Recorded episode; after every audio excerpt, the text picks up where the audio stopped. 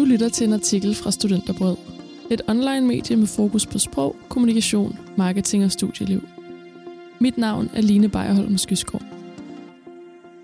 Hvad kan du gøre som studentermedhjælper eller praktikant, hvis du oplever sexisme på din arbejdsplads? Ifølge juridisk konsulent i kommunikation og sprog, Jette Snore, er svaret klart. Kontakt din fagforening.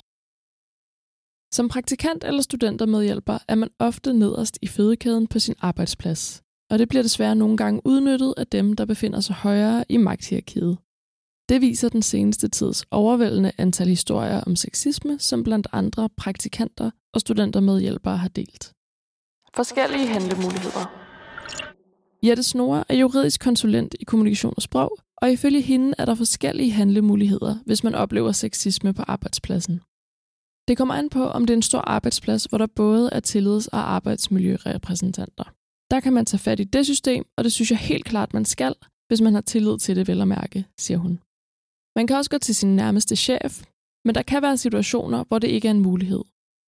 Hvis det er chefen, der har opført sig grænseoverskridende, går man selvfølgelig ikke til vedkommende. Og der kan også være andre grunde til, at man ikke har lyst til at gå til sin overordnede, forklare Jette Snore og slå fast.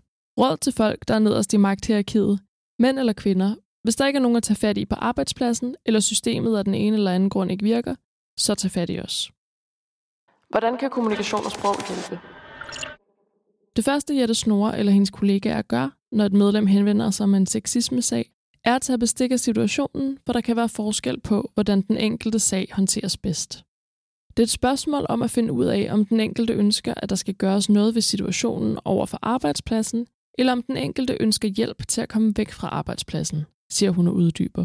Når jeg siger væk fra arbejdspladsen, er det fordi, vi har situationer, hvor vi på vegne af et medlem har taget kontakt til en arbejdsplads og fortalt, hvad der er gået for sig, og fået lavet en aftale om, at vedkommende bliver forhandlet ud af sit job på bedst mulig vis og får nogle penge med i hånden.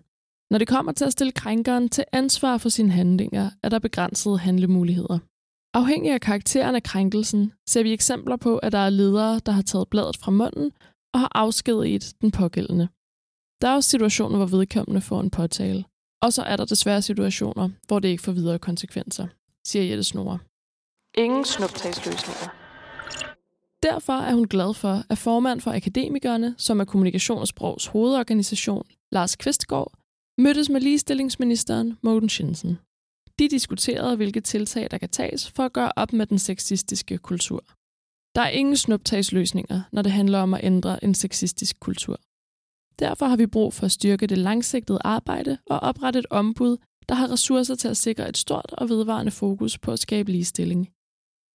Derfor kommer jeg til at foreslå Mogens Jensen, at der allerede på næste finanslov findes penge til at oprette et ligestillingsombud, siger akademikernes formand forud for mødet med ligestillingsministeren.